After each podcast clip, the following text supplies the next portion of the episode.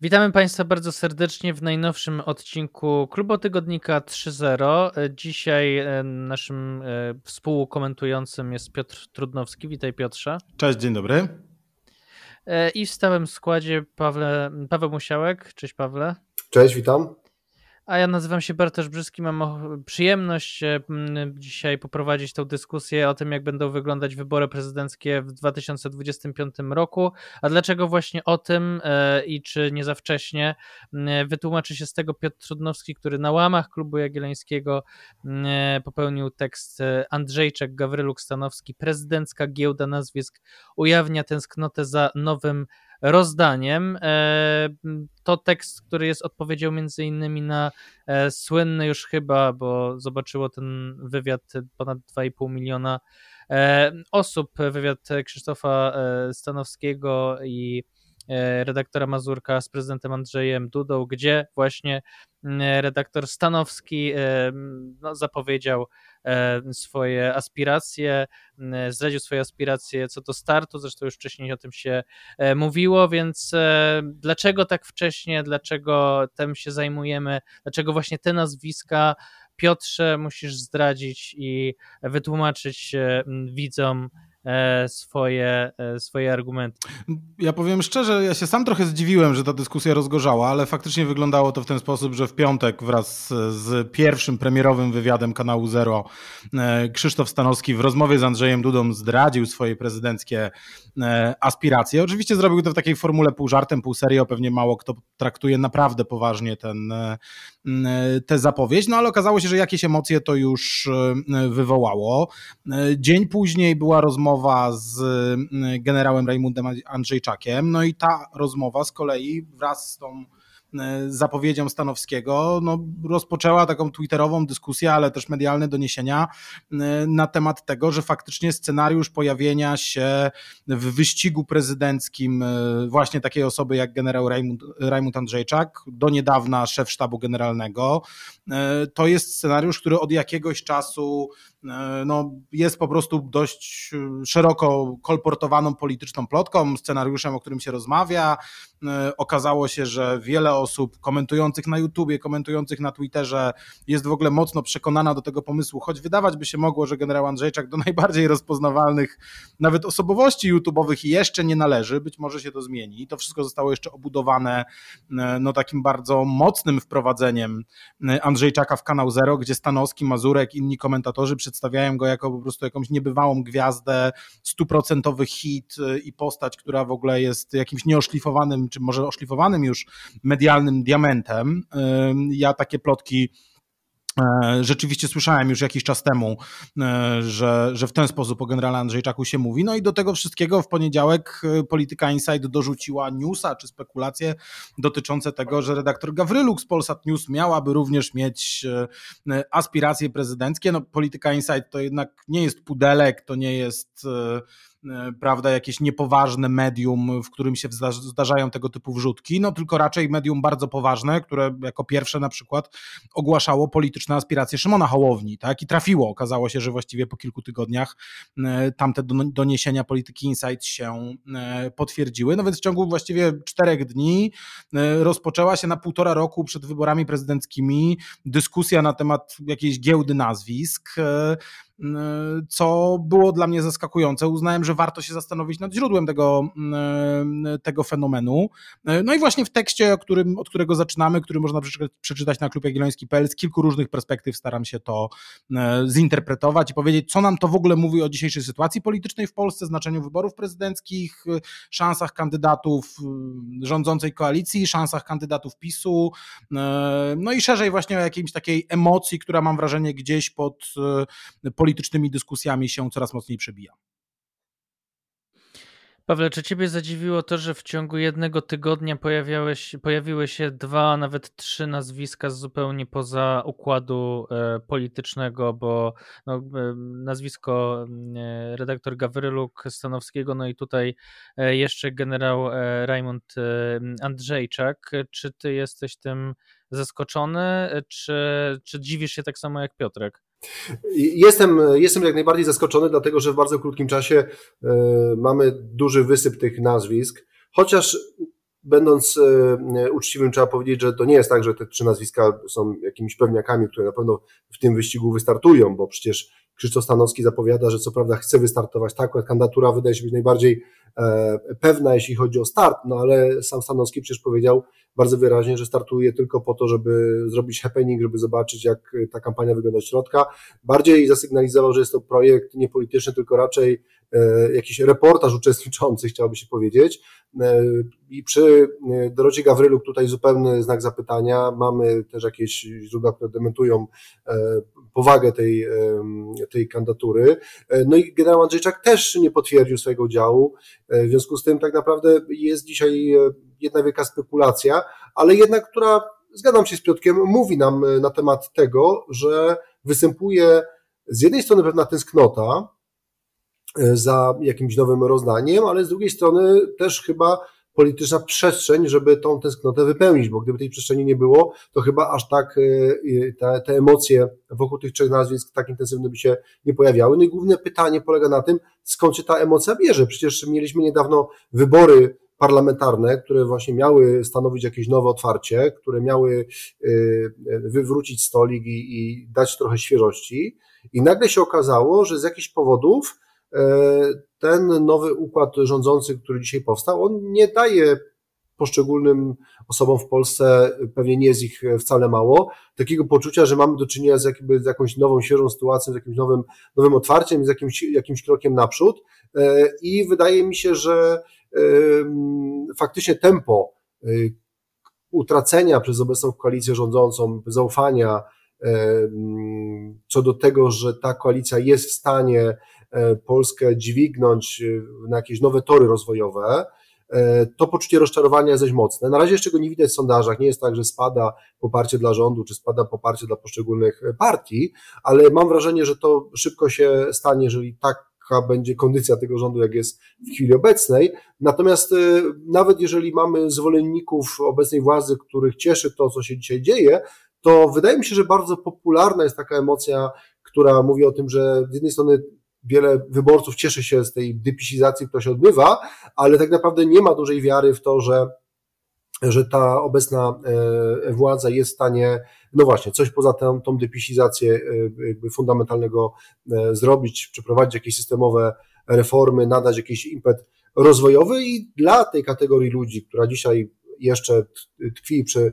pewnie Platformie Obywatelskiej, czy Trzeciej Drodze, czy Lewicy, taki kandydat nowy, który by dał świeżość, jest moim zdaniem kandydatem, którego co najmniej duża część tych wyborców może rozważać. No dobrze, to w takim razie, skoro pchnąłeś nam, nas, Pawle, w tym, w tym kierunku, e, nadałeś e, ton tej, tej rozmowie trochę, e, to Piotrze, chyba trzeba porozmawiać o tym, czy faktycznie Paweł ma rację, że w perspektywie roku faktycznie duża część dzisiejszych wyborców koalicji 15 października może chcieć kandydata spoza tego obozu, czyli spoza dwójki Szymon Hołownia, Rafał Trzaskowski, na przykład dlatego, że e, Platforma odwróciła się od tego modernizacyjnego e, swojego, no właściwie koru jakiegoś tożsamościowego z tej kadencji 2007-2015, który między innymi dzisiaj rozbija się o ten sztandar centralnego portu e, komunikacyjnego, tak? To znaczy, że jednak wyobraźnia tego, jak ta władza ma wyglądać, że te KPO, e, pieniądze z Unii mają dać kolejny skok modernizacyjny, że ona jednak się e, nie ziści, a dodatkowo będzie obciążona innymi kwestiami, na przykład e, bałaganem instytucjonalnym, prawnym czy jakimkolwiek innym, no bo rozumiem, że dzisiaj ogłaszanie tego wcześniej jest trochę grą E, znaczy ogłaszanie startu alternatywnych kandydatów, czy spekulacja e, na ten temat jest e, grą właśnie na ten scenariusz, czyli zawodem z jednej strony PiSem w opozycji, a z drugiej strony wzmocnieniem władzy koalicji 15 października. Tak, ja myślę, że tutaj na początek można powiedzieć taką rzecz, yy, może nieco odległą od takiego sedna Twojego pytania, natomiast mam wrażenie, że musimy sobie uświadomić jedną rzecz, jeśli chodzi o mandat tej nowej yy, większości. On jest w jakimś sensie, moim zdaniem, równie niepewny jak mandat Prawa i Sprawiedliwości w 2015 roku. To, że w 2015 roku Prawo i Sprawiedliwość wygrało samodzielne rządy, było efektem przypadku, który polegał na tym, że no, lewica popełniła taktyczny błąd, nie przekroczyła progu, Prawo i Sprawiedliwość otrzymało premię pozwalającą rządzić samodzielnie. Jeśli chodzi o koalicję 15 października, y, jeśli chodzi o wybory 2023 roku, y, ta koalicja dostała znowu nieoczekiwaną, niespodziewaną i nieprzewidywalną co do swojej przyszłości premię w postaci bardzo, bardzo, bardzo wysokiej frekwencji wyborczej i tak naprawdę nie mamy żadnej pewności, jaka jest trwałość postaw tych osób, które poszły do tych wyborów, e, no być może po raz pierwszy w życiu, tak? E, nigdy wcześniej na żadne wybory nie, nie chodziły. E, ten wynik frekwencyjny jest taką premią, która może być jednocześnie wielkim obciążeniem dla tej koalicji. To po pierwsze. Po drugie, no, tak naprawdę we wszystkich wyborach od bodaj 2011 roku, w każdych wyborach kolejnych pojawiała się partia, która była jakiegoś rodzaju ugrupowaniem nowym, ugrupowaniem protestu, ugrupowaniem świeżości. E, różne te komitety się pojawiały. W 2015 roku przecież były dwa, a właściwie trzy, tak? No bo Kukiz 15, bo nowoczesna, bo partia razem. Właściwie dla każdego była jakaś oferta antysystemowa. E, w tych wyborach takiej oferty tak naprawdę nie było, więc ci wyborcy, którzy naturalnie głosują na takie ugrupowania, poszukują czegoś nowego, po prostu zagłosowali za zmianą, zagłosowali przeciwko PiSowi, zagłosowali na którejś z ugrupowań e, tej czwórkoalicji centro-lewicowej, no ale to też są bardzo niestabilne e, głosy. I myślę, że te wszystkie osoby, które myślą o tym, żeby wylansować nowy projekt polityczny, wystawić nowego kandydata na prezydenta, być może samemu e, spróbować swoich sił, trochę bazują właśnie na tej analizie, tak, że ten układ po 15 października jest mało Y, stabilny, mało pewny, że jest trochę efektem jakiegoś niespodziewanego wydarzenia, czarnego łabędzia, jakim była y, ta niezwykle wysoka frekwencja wyborcza. Y, i że gdzieś w związku z tym te osoby, które już poszły, jednak oddały głos i tak dalej, będą chciały swoje za, mm, za, swój zawód na przykład w jakąś stronę ukierunkować. I dlatego wydaje mi się, że to ryzyko z perspektywy Trzaskowskiego czy Hołowni jest dość spore, że jeżeli ktoś taki się pojawi, to istotną część głosów tym kandydatom y, odbierze, a też pamiętajmy o tym, że no znowuż, tak, y, Hołownia i Trzaskowski w 2020 roku startowali w tych wyborach, oni wtedy byli nowi, wtedy nieśli świeżość, wtedy nieśli y, nadzieję, obietnicę, potencjał zmiany politycznej, zmiany po, scenie, po stronie opozycyjnej, nadzieję na zwycięstwo nad PiSem. To wszystko wtedy było ich, było tym wiatrem, który, który wiał w ich żagle. No i tych, tych, wszystkich, tych wszystkich zalet w 2025 roku będą prawdopodobnie pozbawieni. A z sondaży oczywiście nielicznych i też takich, które należy traktować z pewnym dystansem, no ale widzieliśmy na przykład ten ubiegłotygodniowy sondaż Ibrisu, wynikało, że na dzisiaj ci dwaj kandydaci idą web w web, tak? Znaczy na 30% może liczyć Hołownia, na 30% może liczyć Trzaskowski. To jest bardzo dużo dla obozu rządzącego, gdyby to zsumować, no ale jednocześnie może to skomplikować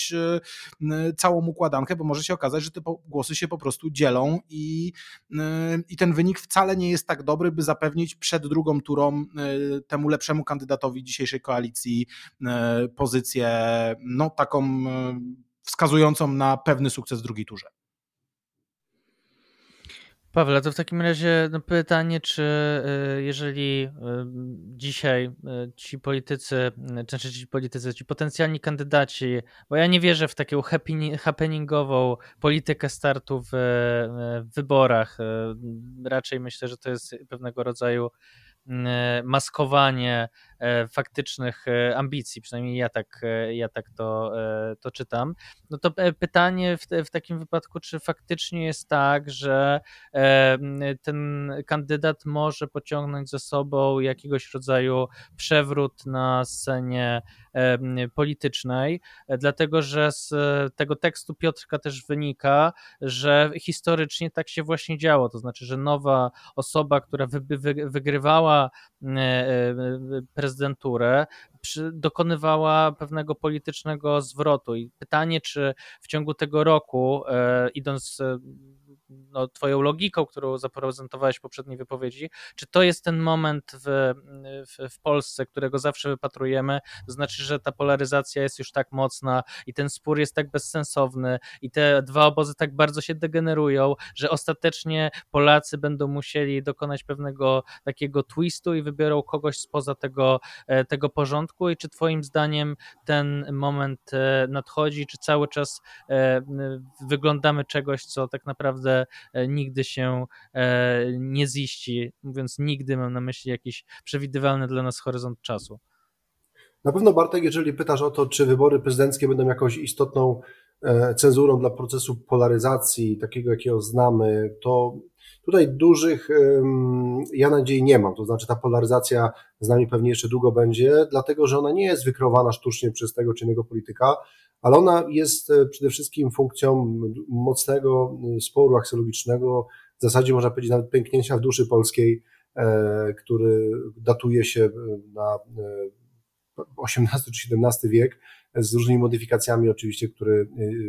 który przetrwał do dzisiaj. E, więc ja uważam, że e, pewna forma sporu między tą, tym obozem patriotyczno, można powiedzieć sarmackim, trzymając się tych historycznych analogii, a tym obozem nowoczesności i oświecenia, ten, ten podział będzie trwał. Oczywiście różne partie mogą go obsługiwać, różni politycy, ale to jakoś bardzo mocno dzisiaj rezonuje. Te wszystkie Dodatkowe okoliczności typu media społecznościowe z ich algorytmami, e, które popychają na stronę baniek e, informacyjnych, których my e, żyjemy i zaniku dobra wspólnego, pewna kultura przesady i tak dalej, i tak dalej. Wiele po prostu mamy takich wiatrów, które pchają tak naprawdę ten proces polaryzacji do przodu. Natomiast nie znaczy to, że koniecznie w tych wyborach prezydenckich najbliższych wygra któryś z reprezentantów tej strony sporu. I faktycznie ja wierzę w to, że raz na jakiś czas e, w polskiej historii nie tylko pojawia się takie okienko możliwości, e, z którego można skorzystać i niewykluczone, że to okienko możliwości właśnie przyjdzie już w najbliższych wyborach prezydenckich, bo tak jak Piotr, kilka rzeczy się na to składa. Z jednej strony to, że nie było dotychczasowego tupu. Można powiedzieć, że ludzie, którzy są takimi wyborcami e, tych ugrupowań protestu powiedzieli sobie 15 października, na protest, czy na to jeszcze przyjdzie czas. Na razie trzeba odsunąć PiS od władzy, no ale to nie jest tak, że zagłosowali bardziej z miłości do obecnej władzy, tylko bardziej z niechęci do poprzedniej. E, z drugiej strony mamy dzisiaj przecież e, po stronie Prawa i Sprawiedliwości dużą niepewność co do tego, jaki kandydat będzie wysunięty w wyborach prezydenckich. Nie ma oczywistego kandydata, który mógłby wystartować. I powtórzenie manewru z Andrzejem Dudą nie będzie proste, dlatego że Andrzej Duda wygrał wybory, przypomnijmy, w sytuacji, w której Platforma rządziła przez 8 e, lat i już e, wyraźne było zmęczenie tą władzą, więc to poczucie e, no właśnie oczekiwanie na, na coś nowego jest, było powszechne, natomiast no, Prawo i Sprawiedliwość będzie ubiegało się o fotel prezydencki w sytuacji, w której przedstawiciel tej partii rządził 10 lat, sama Zjednoczona Prawica rządziła 8, więc to nie są warunki sprzyjające tego, żeby ten pałac e, utrzymać. E, no i po stronie liberalnej sama rywalizacja między Trzaskowskim i Hołownią prawdopodobnie e, będzie tutaj rywalizacją, która już nie będzie taka świeża, o czym powiedział Piotrek, bo przecież ci kandydaci spotkali się już wcześniej, więc dużo ludzi będzie miało jakieś wrażenie, że jest jakiś odgrzewany e, spektakl, który oni gdzieś już widzieli. Nawet jak nie był najgorszy, to mają poczucie, że chyba nic nowego to nie wprowadzi. A jeszcze mówię, obecna polityka rządu, która jest wyraźnie skoncentrowana na odbijaniu poszczególnych instytucji, e, i tu można się oczywiście spierać, czy jest to robione słusznie, czy niesłusznie, no ale w każdym razie fakt jest taki, że Dzisiaj treścią polskiej polityki jest depisizacja, ponieważ e, e, proces odbijania tych poszczególnych e, instytucji, w której się ulokował Prawo i Sprawiedliwość, trwa i jest żmudny, ponieważ no, PiS obudował się wieloma, wieloma różnymi sztuczkami, więc wymiana ta kadrowa będzie trwała, mam wrażenie, jeszcze wiele miesięcy i o tym będziemy dyskutować i, i po jakimś czasie po prostu nawet być może nawet najbardziej zagorzali zwolennicy depisizacji po prostu będą zmęczeni. Nie na tyle, żeby zagłosować za e, kandydatem PiSu, ale na tyle, żeby po prostu chcieć poszukać czegoś nowego. Także podsumowując, ja uważam, że faktycznie te wybory mogą być przełomowe i podkreślmy, przełomem będzie e, nie tylko to, jeżeli Krzysztof Stanowski, czy Rajmund Andrzejczak, czy Dorota Gawryluk wygrają te wybory, ale przełomem będzie to, jeżeli oni w ogóle osiągną dobry wynik, a być może jeszcze ktoś inny do tej gry się włączy, bo przecież na razie jesteśmy w sferze spekulacji. Przypomnijmy, że w historii politycznej Polski było tak, że nawet wejście do, drugiej tury już było bardzo ważnym e, tak naprawdę zasobem, na którym e, e, budowano polityczną pozycję. No i przecież te ostatnie wybory, w których Szymon Hołownia otrzymał bardzo dobry wynik, doprowadziły do tego, że Szymon Hołownia dzisiaj jest marszałkiem Sejmu, czyli można powiedzieć, że nie wygrywając tych wyborów, ale osiągając dwucyfrowy wynik, tak naprawdę ma się zasób do tego, żeby później w wyborach parlamentarnych odegrać znaczenie. Podobna historia była z Pawłem Kukizem, który też miał dobry wynik, ale przecież też nie wygrał. E, no i historia chociażby, nie wiem, Andrzeja Olechowskiego, żeby sięgnąć troszkę dalej w przeszłość, e, na którym to wyniku zbudowała się Platforma Obywatelska. Także e, okienko możliwości jest, chociaż pewnie jeszcze dużo czasu przed nami, żeby ocenić, jak szeroko jest on otwarty. To polemika z tobą, Pawle, albo może w ogóle z, wam, z wami E, oboma panowie, dlatego że wy zakładacie, że jeżeli Polacy będą zmęczeni depisizacją Polski, przynajmniej ja mam takie wrażenie słuchając was, to że zagłosują e, na kogoś właśnie spoza układu. A być może jest tak, że e, jednak będą mieli po, poczucie, że ta depisizacja idzie zbyt opornie ze względu na to, że jednak no, był Andrzej Duda, że TK nie idzie, dekonstrukcja tego, czy przeformułowanie Trybunału Konstytucyjnego nie idzie tak, tak łatwo wobec czego będą chcieli jeszcze wzmocnić ten obóz, tak? Czyli będą mieli, nawet jeżeli będą uznawać, że ta władza może nie jest jakaś najlepsza, to i tak będą chcieli domknąć ten system po to, żeby on wreszcie zaskoczył jak w dobrze działającej e, maszynie. Wszystko jedno, kto ma rację, ważne jest to, żeby mechanizm działał e, sprawnie, więc to trochę w logice odwrotnej do tej, którą e, zdajecie się prezentować, czyli że będą szukać alternatywy, ale że raczej e, jednak e, przyrzucą głos na przykład z Rafała Trzaskowskiego na Szymona Hołownię albo w drugą stronę i być może nawet ten kandydat koalicji 15 października wygra w pierwszej turze. Postawię taką tezę, żebyśmy mieli pole do sporu Piotrze. Y, ja rozumiem o co ci chodzi, w jakim sensie się zgadzam. Myślę, że to co mówisz jest y, na dzisiaj bazowym scenariuszem drugiej tury wyborów. To znaczy, że ta emocja właśnie skończmy z rzucaniem kłód pod nogi e, nowemu rządowi, e, on już nie będzie nowy, no ale jednak, tak, e, skończmy z tą trudną kohabitacją. To wszystko jest coś, co bardzo komplikuje życie Prawu i Sprawiedliwości i potencjalnemu kandydatowi głównej partii opozycyjnej. Natomiast no, skoro Należy założyć, że w drugiej turze na pewno któryś z kandydatów e,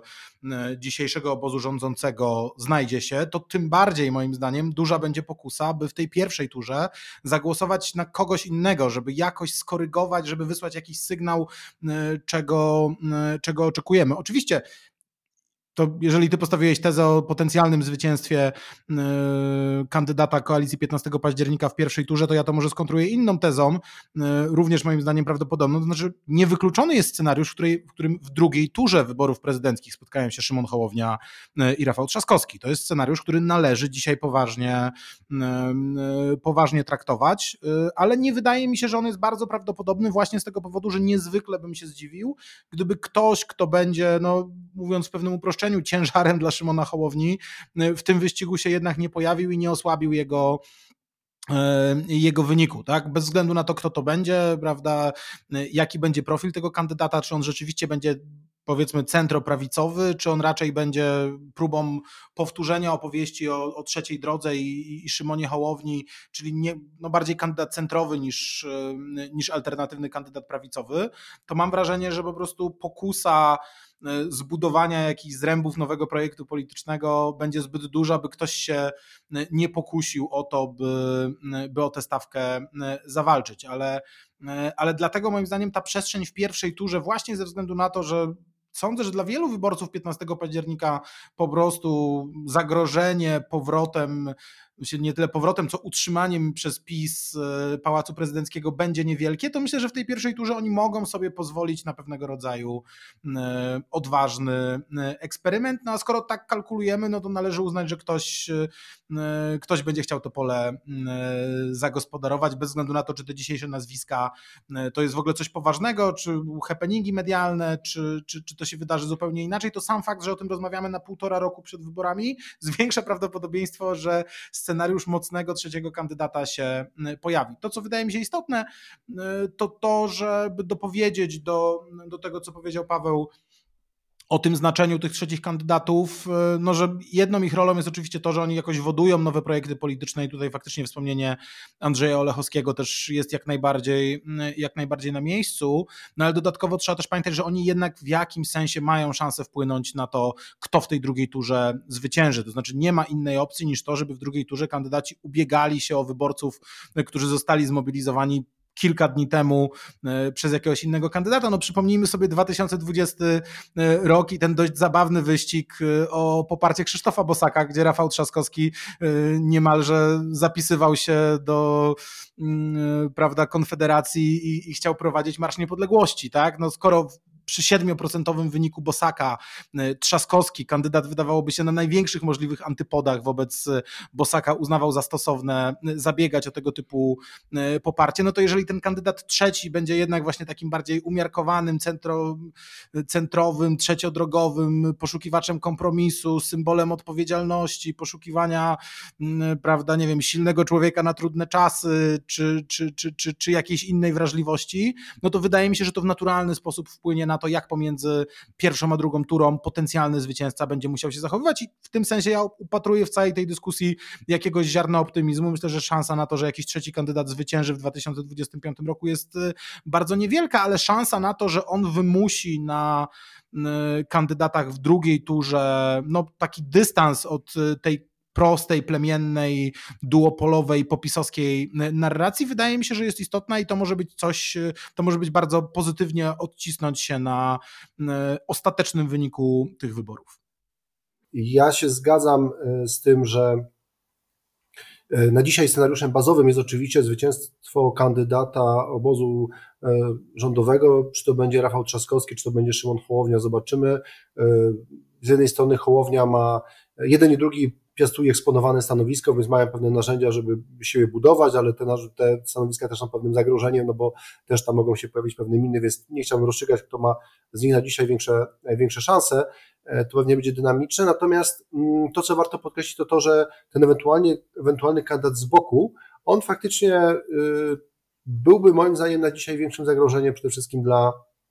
dla Prawa i Sprawiedliwości, dlatego że wydaje mi się, że, na, mm, y, że to ta emocja, o której Ty Bartek powiedziałeś, że ludzie mimo wszystko będą chcieli wyeliminować tą koabitację, a na, a na dzień dzisiejszy większość osób uważa, że problemem w tej koabitacji jest prezydent, a nie obóz rządowy, y, to będzie taka, to będzie na pewno pewna siła, która będzie pchała do tego, żeby w tej drugiej turze, o której mówi Piotrek, postawić na tego kandydata y, właśnie bardziej y, już przewidywalnego mm, i, i partyjnego. Więc e, ja też uważam, że ten kandydat e, tymczasowego ugrupowania protestu, jak to określa e, tego typu formułę profesor Jarosław Lis, on ma szansę dzisiaj w tej polityce zamieszać, ale pewnie nie na tyle, żeby te wybory wygrać, ale jeżeli by się okazało, że faktycznie osiąga dobry wynik w pierwszej E, turze, to moim zdaniem jest to przede wszystkim zagrożeniem dla e, PiSu, bo jego kandydat się w tej drugiej turze może nie znaleźć. I jeżeli tak by się stało, to faktycznie byłoby to bardzo poważne zagrożenie dla Prawa i Sprawiedliwości, bo to mają do siebie wybory prezydenckie, że raz e, raz, raz podjęta decyzja o tym, żeby zagłosować na jakiegoś kandydata, rodzi pewną już pewną psychologiczną barierę E, pożegnania się z alternatywami w postaci takiej, że kiedyś ci wyborcy pewnie głosowali na, na kandydata PiSu, przynajmniej część z nich i, i będą ci wyborcy już łatwiej, e, można powiedzieć, będą mieli łatwiejszą ścieżkę do tego, żeby mm, po tej kładce tego mm, e, kandydata tymczasowego ugrupowania protestu zagłosować za, za właśnie partią obecnej koalicji rządowej, czy, czy, czy, czy w ogóle no przynajmniej oddalić od PiSu. I to jest moim zdaniem podstawowe zagrożenie dla PiSu. Dla, dla PiSu. Ja przypomnę historię 2015 roku, kiedy to wyborcy głosując na Kukiza bardzo, bardzo często e, w poprzednich wyborach parlamentarnych zagłosowali za Platformą i co prawda nie mieli, nie mieli ci wyborcy śmiałości, żeby zagłosować za PiSem od razu po tym, jak się rozczarowali PO, ale właśnie głosując na Kukiza, weszli na pewno, można powiedzieć, psychologiczną ścieżkę, która ich zaprowadziła do PiSu, przynajmniej część z nich, ale na tyle ważna e, część z nich, że pozwoliła PiSowi rządzić. No w takim razie, jak e, przyszedłeś już, Pawle, do Prawa i Sprawiedliwości, bo to też jest jeden z elementów, wątków w tym tekście e, Piotrka, to znaczy to rozerwanie między, mm, między Patrykiem Jakim czy, e, czy ministrem Czarnkiem z jednej strony, a z drugiej strony z Tobiaszem Bochańskim czy Kacprem Płażyńskim, czyli która twarz PiSu będzie tą, którą warto wyeksponować w tych wyborach, które będzie lepiej e, obsługiwać takiego e, no, typowego wyborcę centroprawicowego, centrowego, być może, który mógłby dobry wynik e, osiągnąć. To jest jakieś wyzwanie, które stoi przed e, prawem i sprawiedliwością, więc pytanie Piotrek do ciebie, który twoim zdaniem, która strategia jest, e, e, jest lepsza, no bo też piszesz w swoim tekście, że jednak jest jakaś lekcja płynąca z tego referendum, że mimo tego, że ludzie zagłosowali być może na, na przedstawiciele chociażby trzeciej, trzeciej drogi, to wzięli udział w, w, w, w referendum, tak? Więc te, to, to, to, jakie wyciągniemy wnioski, też będzie miało pewnie dla prawicy dużą, duże znaczenie w, właśnie w wyborze tego kandydata, który może przeciwstawić się Szymonowi Hołowni czy Rafałowi Trzaskowskiemu. No, to jest taka klasyczna sytuacja, kiedy serce i rozum mówią co innego, tak? Ja oczywiście chciałbym oczekiwać scenariusza, w którym Prawo i Sprawiedliwość jest w stanie jakoś, nie wiem, przekroczyć siebie i w ogóle, nie wiem, zaprosić jako swojego kandydata na prezydenta kogoś zupełnie nieoczywistego, tak? Kogoś, kto,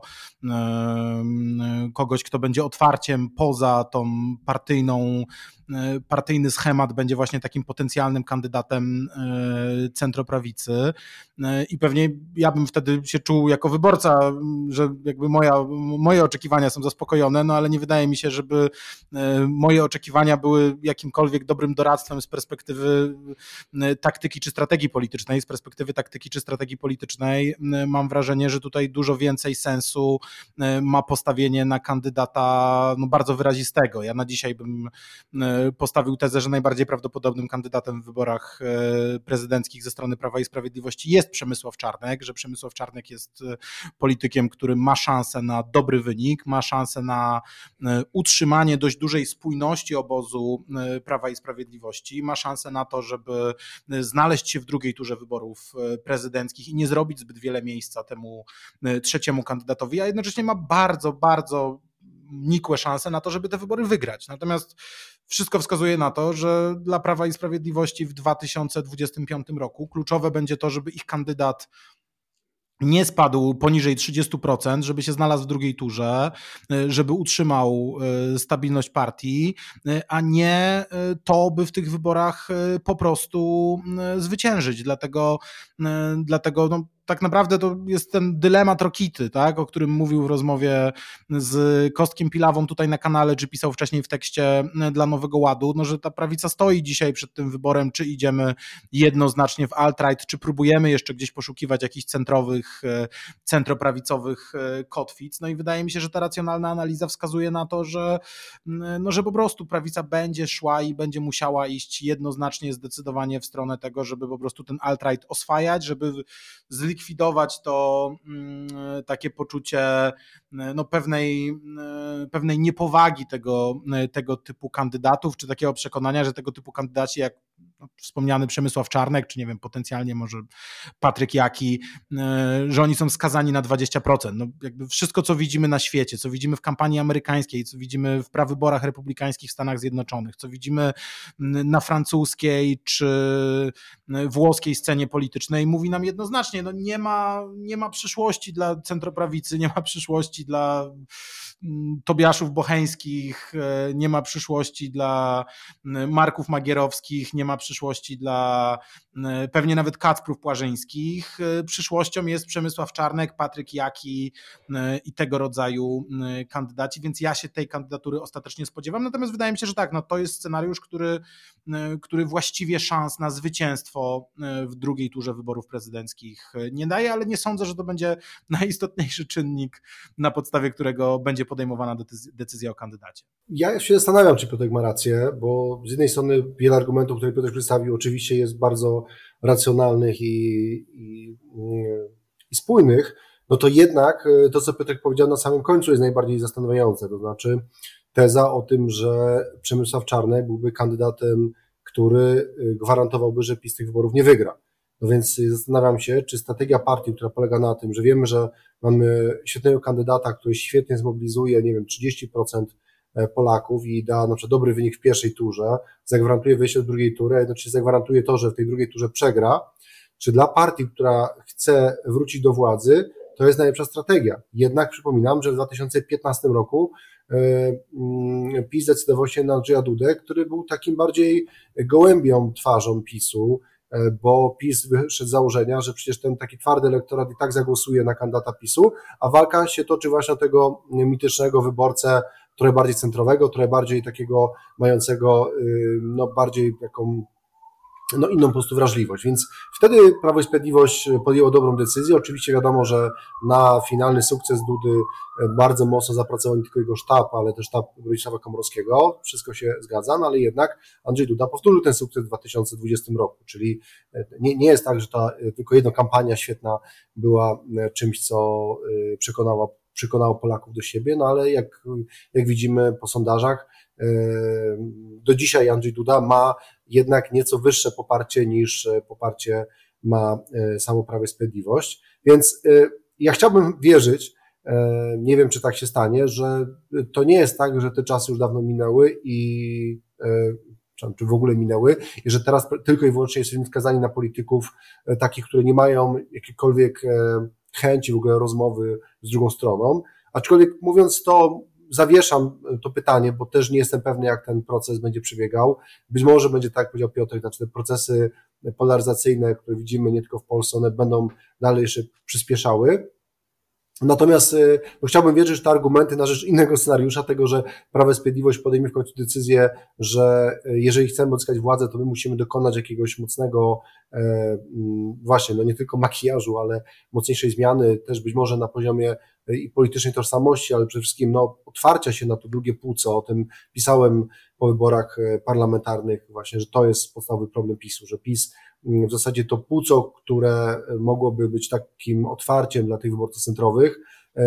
które to płuco miał przy sobie. Tym płucem był Jarosław Gowin, dzisiaj oczywiście już były w zasadzie polityk, e, ale no właśnie to płuco mam wrażenie, że mimo, że pewnie zawsze będzie mniejszym płucem prawicy, no to jednak będzie tym płucem o tyle ważnym, że ma zdolność e, przekonywania wyborców, dla których ta oferta, którą by, której by twarzował Przemysław Czarnek będzie atrakcyjna. Więc, więc jeszcze nie rozstrzygam tej kwestii, żeby jakoś było między nami e, tutaj e, ciekawie, bardziej dyskusyjnie, to, to może bym się ustawił w jakiejś lekkiej polemice tutaj z Piotrem. To ja tylko jeszcze jedno, mhm. jedno zdanie, tylko ja też nie chcę mówić o tym, że, to znaczy nie to mam do końca na myśli, że nie wiem, że Przemysław Czarnek czy Patryk Jaki to są jacyś politycy w ogóle, nie wiem, niezdolni do debaty z kimś innym, jacyś w ogóle nie chcę ich w ogóle określać jako jakiś jednoznacznie, nie wiem, gorszych, mniej, z mniejszym potencjałem i tak dalej, bo wbrew pozorom wydaje mi się, że to są w ogóle też takie no, z dużym potencjałem przyszłościowym politycy politycy, politycy prawicy. Natomiast to, co oni chyba rozumieją, to jest dokładnie to, co, co mówi nam amerykańska, francuska czy włoska scena polityczna, że nie ma co się bać diabolizacji. Tak? To jest ta różnica, że kiedyś wydawało się, że tym, co jest jakby najgorsze dla polityka, jest y, posiadanie łatki, hardkorowca, oszołoma i tak dalej. No tymczasem ta dzisiejsza polityka mówi nam coś innego i tak samo przecież ani Le Pen nie jest tak strasznie prawicowa, ani Donald Trump nie jest tak strasznie prawicowy, jakby chcieli ich wrogowie y, czy Meloni, ale paradoksalnie oni będąc z perspektywy polskiej, można powiedzieć, dość umiarkowanymi politykami centroprawicy, ich wszystkich łączy jedno, to znaczy ich wszystkich łączy to, że oni byli diabolizowani przez mainstream. I to, że byli diabolizowani przez mainstream, paradoksalnie długofalowo okazało się ich zaletą, a nie wadą. I to jest moim zdaniem dokładnie ten sam przypadek, co Czarnek i Jaki. To, że jesteś diabolizowany, to, że jesteś wyrazisty, to, że jesteś kontrowersyjny, to, że idziesz na zwarcie yy, i wkurzasz swoich wrogów, jest w dzisiejszej polityce nie przeszkodą, ale zaletą. I to jest być może w ogóle największa rewolucja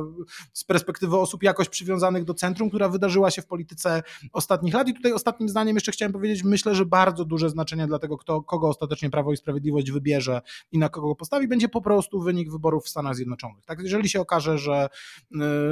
że diabeł Trump jest w stanie wygrać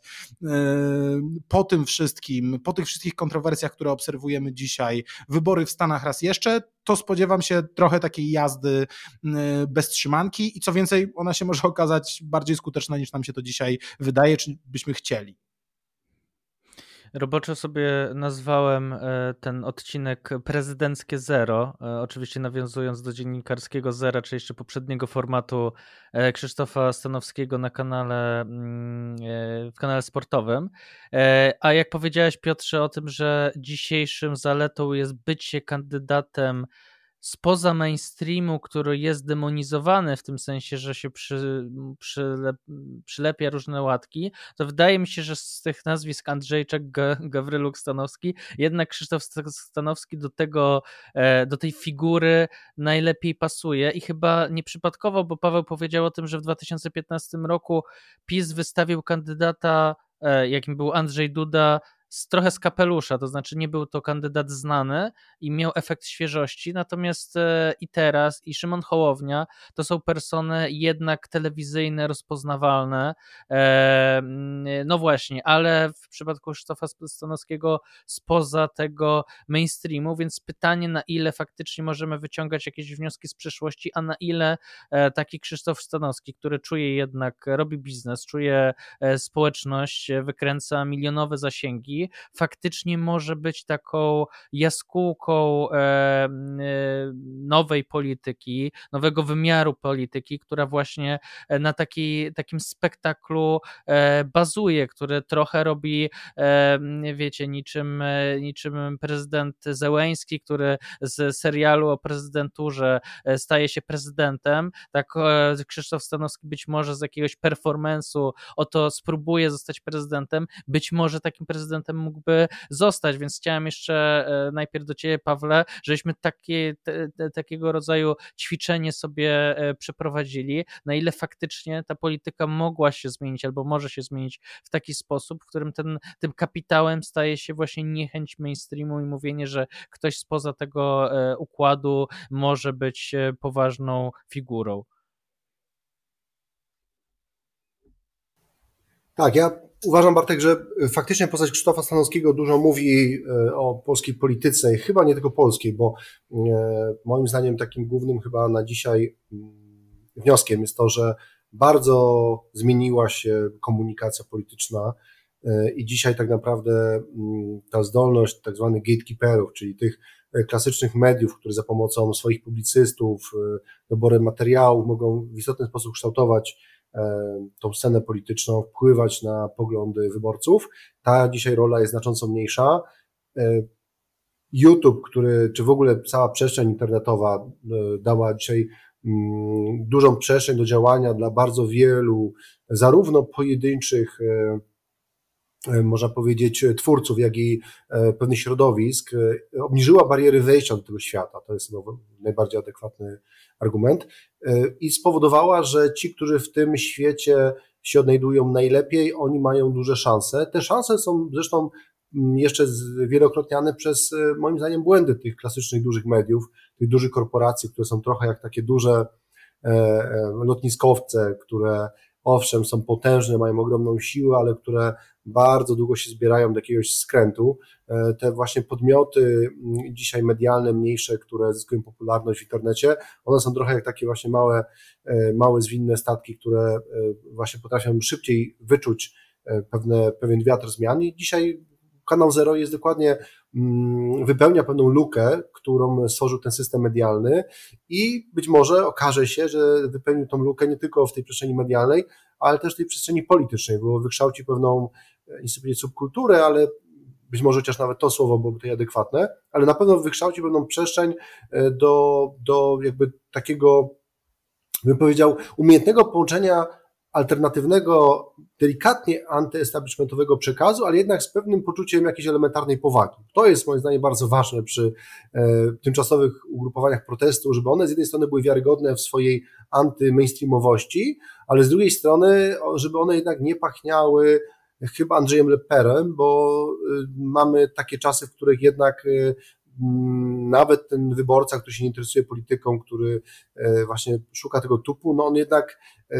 chciałby, żeby ten kandydat nowy jakąś jednak powagę ze sobą niósł, nawet jeżeli to jest powaga w stylu Krzysztofa Stanowskiego. Więc, więc ja myślę, że faktycznie to, co Bartek pytasz, czy fakt, że mamy dzisiaj reprezentantów sfery medialnej e, jako tych alternatywnych kandydatów, wydaje mi się, że absolutnie nie jest przypadkowy i on obrazuje to, jak właśnie zmienia się ten, e, ta komunikacja polityczna, jak to, że poszczególni kandydaci mogą zbudować sobie własne bańki, które jeszcze są karmione algorytmami i mogą stanowić pewne zagrożenie dla tego dużego, e, dla tego starego świata, tak możemy powiedzieć. Natomiast e, podkreślmy, no to nie jest tak, że dzisiaj rozmawiamy w sytuacji, w której Krzysztof Stanowski jest kandydatem, e, którego należałoby rozpatrywać jako główny pretendent do objęcia tej prezydentury. Myślę, że żeby w ogóle coś takiego się wydarzyło, co wydarzyło się na Ukrainie, potrzebny jest bardzo głęboki kryzys państwa, jaki miał miejsce właśnie za wschodnią granicą. I tylko w takiej sytuacji no, ludzie są w stanie faktycznie powierzyć władzę komuś z innego świata. W innym przypadku, i tak było w Polsce przez wiele lat, e, zawsze te tupy, które się pojawiały, one były taką żółtą kartką, ale było cechą bardzo charakterystyczną, że przychodził Cookies, przychodził, e, przychodziła Nowoczesna, wcześniej przychodził Palikot. I to było takie, to była taka jednosezonowa przygoda, jak ten sezon się kończył, rozpoczynał się nowy i tak naprawdę no, było troszeczkę inaczej w polskiej polityce, ale nie na tyle inaczej, żeby zmienić te główne zasady gry. Więc na dzisiaj e, podkreślmy, no, scenariuszem bazowym jest to, że czy Krzysztof Stanowski, czy Rajmund Andrzejczak, czy Dorota Gawryluk są kandydatami, którzy raczej sygnalizują pewną żółtą kartkę, ale podkreślmy, przy niesprzyjających wiatrach dla obecnego obozu rządowego, przy wielu błędach, przy konfliktach y, koalicyjnych, y, przy jeszcze kryzysie w Prawie i Sprawiedliwości, y, przy poważnych jeszcze mm, operacjach łamania prawa, z którymi mamy do czynienia, wydaje mi się, że może się okazać, że to nie będzie żółta, a czerwona kartka. Piotrze? Ja tutaj chyba nie mam wiele, mm, wiele do dodania. Mam wrażenie, że tak, no, że dzisiaj ja trochę traktuję tych wszystkich trzech kandydatów w ogóle jako jakieś takie symbole, alternatywne koncepcje i jednak wyrazy jakiejś tęsknoty mm, za tym, by jednak przełamać ten schemat, z którym mamy dzisiaj, mm, dzisiaj do czynienia, tak? Bo gdzieś tutaj tak naprawdę tym, co, no bo tych kandydatów sporo różni, tak? No jakby właściwie wszystko ich różni, oni są w ogóle zupełnie innymi modelami trzeciego kandydata, a myślę, że jeszcze można by wymienić, y, wymienić kolejnych takich potencjalnych pretendentów do pełnienia takiej roli, y, ale, ale mam wrażenie, że to, co jest tutaj jakby dla nich wspólne i łączące, to jest to, że wszystkie te kandydatury mówią, no nie, no ten popis i ten duopol w takiej formie, w jakiej on jest, to, to jest po prostu bez sensu, nie? To, znaczy, to nie chodzi o to, że jakoś bardzo byśmy chcieli radykalnej przebudowy sceny politycznej, ale chcielibyśmy właśnie pokazać na tyle wyrazistą, jaskrawo żółtą kartkę, żeby oni się ogarnęli, że możecie sobie być pisem i Platformą, bo te dwa plemiona w Polsce istnieją, wszyscy o tym wiemy, to nie zniknie yy, i, i nawet jak będziemy się cofać do do tych najstarszych podziałów yy, kulturowych, to znajdziemy uzasadnienie dlatego, żeby istniała no, ta centrolewicowa opcja w swojej optyce modernizacyjna i ta centroprawicowa opcja w swojej optyce konserwatywna, no bo z tym nic nie zrobimy ale chcielibyśmy wam pokazać, że, że możecie sobie istnieć tak, jak jesteście, ale musicie to robić na trochę innych zasadach. No i moim zdaniem tutaj ten,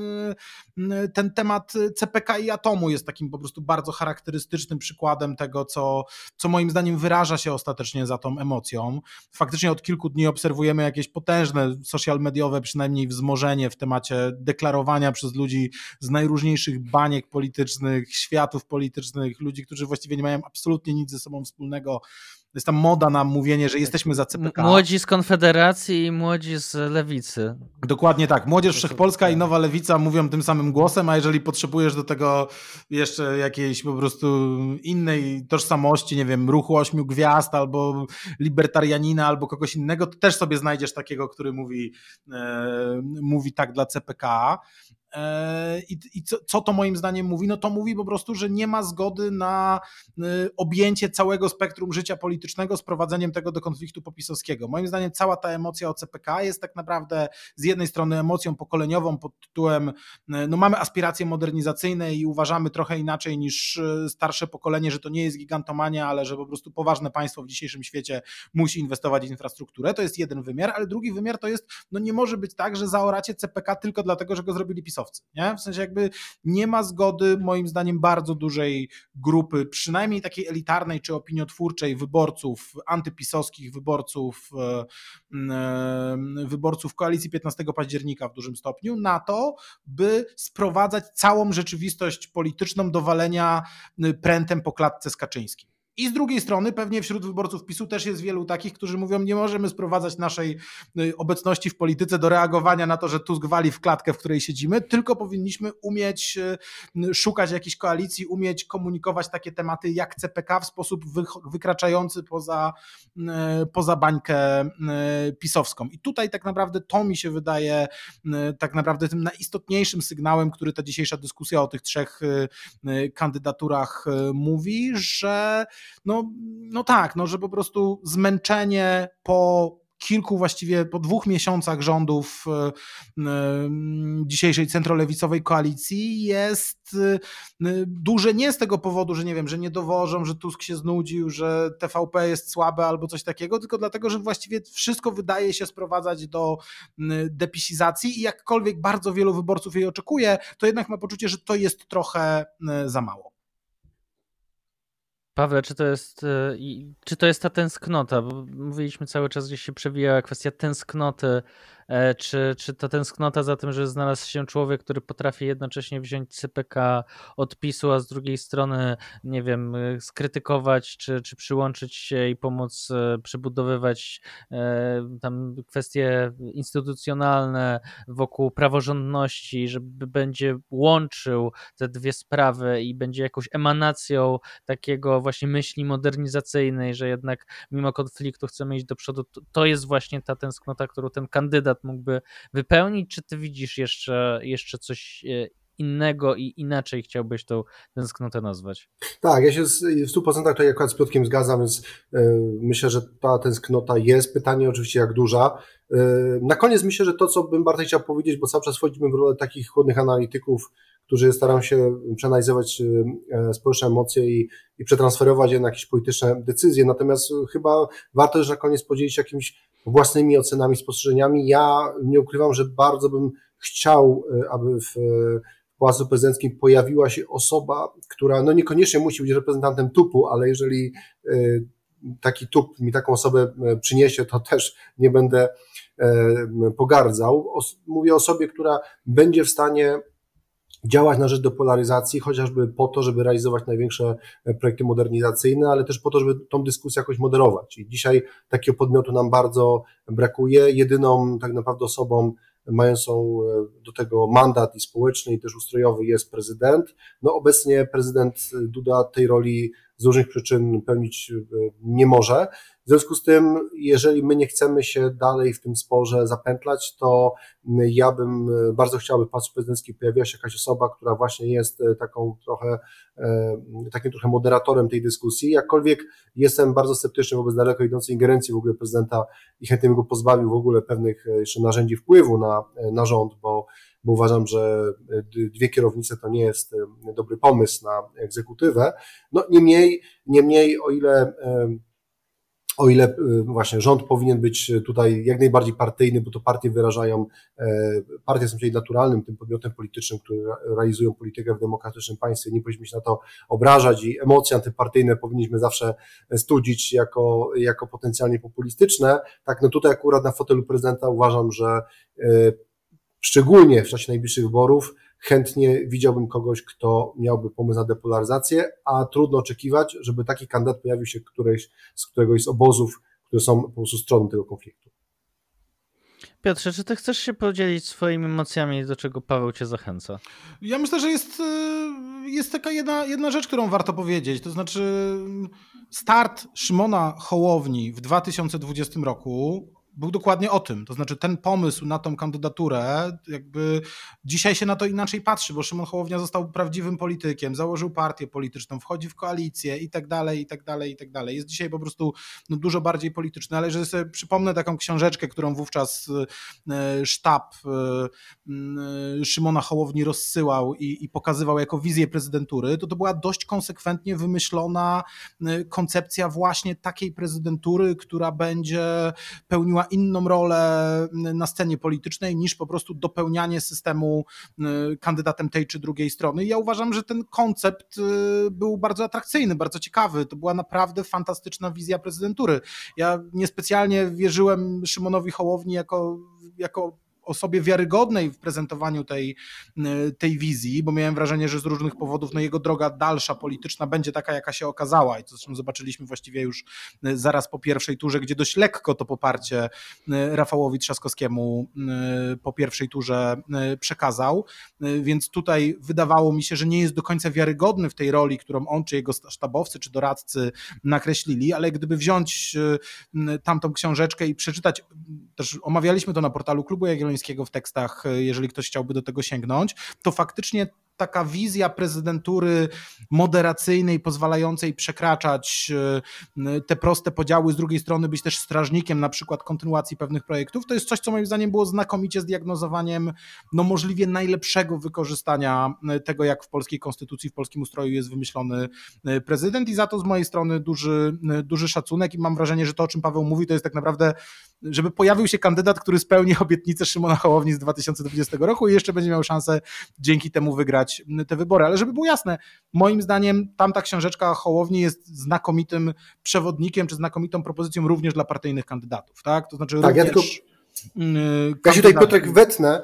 mhm. ja się tutaj Piotrek wetnę, bo bardzo, y, bardzo mocno chciałbym podkreślić właśnie to, że nie jest przypadkiem, że dzisiaj Szymon Hołownia pełni zupełnie inną rolę, bardzo odbiegającą od tej, która e, była w tej książeczce, o której ty wspominasz, i którą ja tą książkę bardzo dobrze pamiętam. I również podzielam e, tą, e, ten opis tej książeczki i, i wizję prezentury, to, że Szymon Hołownia założył później partię i wszedł jako polityk, który musiał naturalnie, tak każdy partyjny polityk szukać swojego elektoratu. Naturalnie znalazł go jako, e, znalazł go w elektoracie Platformy, która wówczas była trochę osierocona i taka zostawiająca swoich wyborców, którzy przestali w nią wierzyć. E, no i w te buty wszedł pewne, pewną trajektorię, w której już naturalnie nie mógł pełnić tej roli tego moderatora, mimo że próbował tą e, rolę reaktywować w postaci szyldu trzecia droga, no to dzisiaj dobrze wiemy, że to nie jest trzecia droga, tylko trzeci pas autostrady Donalda Tuska, ale, ale właśnie, to wydaje mi się, że jeżeli szukamy jakiegoś moderatora, to ten moderator, on się nie pojawi e, na scenie partyjnej, ponieważ no, po prostu ten układ interesów i pewne bodźce, które, e, czy, czy, czy, czy po prostu no, pewne uwarunkowania, w których ci politycy funkcjonują partyjni, nie pozwalają takiej roli odegrać. Więc dlatego ta prezydentura i te wybory prezydenckie są tak ważne, e, jeżeli my chcemy wyszukać tego e, właśnie lidera na białym koniu, który przyjdzie i przynajmniej będzie potrafił przyhamować pewne najdalej idące konflikty. Więc myślę, że, że, że, że to warto podkreślić, że to, że dzisiaj Szymon Hołownia tej roli nie pełni, to, to wynika właśnie chociażby z tego, że tych wyborów prezydenckich nie wygrał e, i musiał wejść, że tak powiem, i później wchodząc w tą rolę lidera już partyjnego, tej roli już absolutnie nie mógł odgrywać, bo już system mu na to nie pozwoli, jakkolwiek też pewnie też zgoda z Piotrkiem, że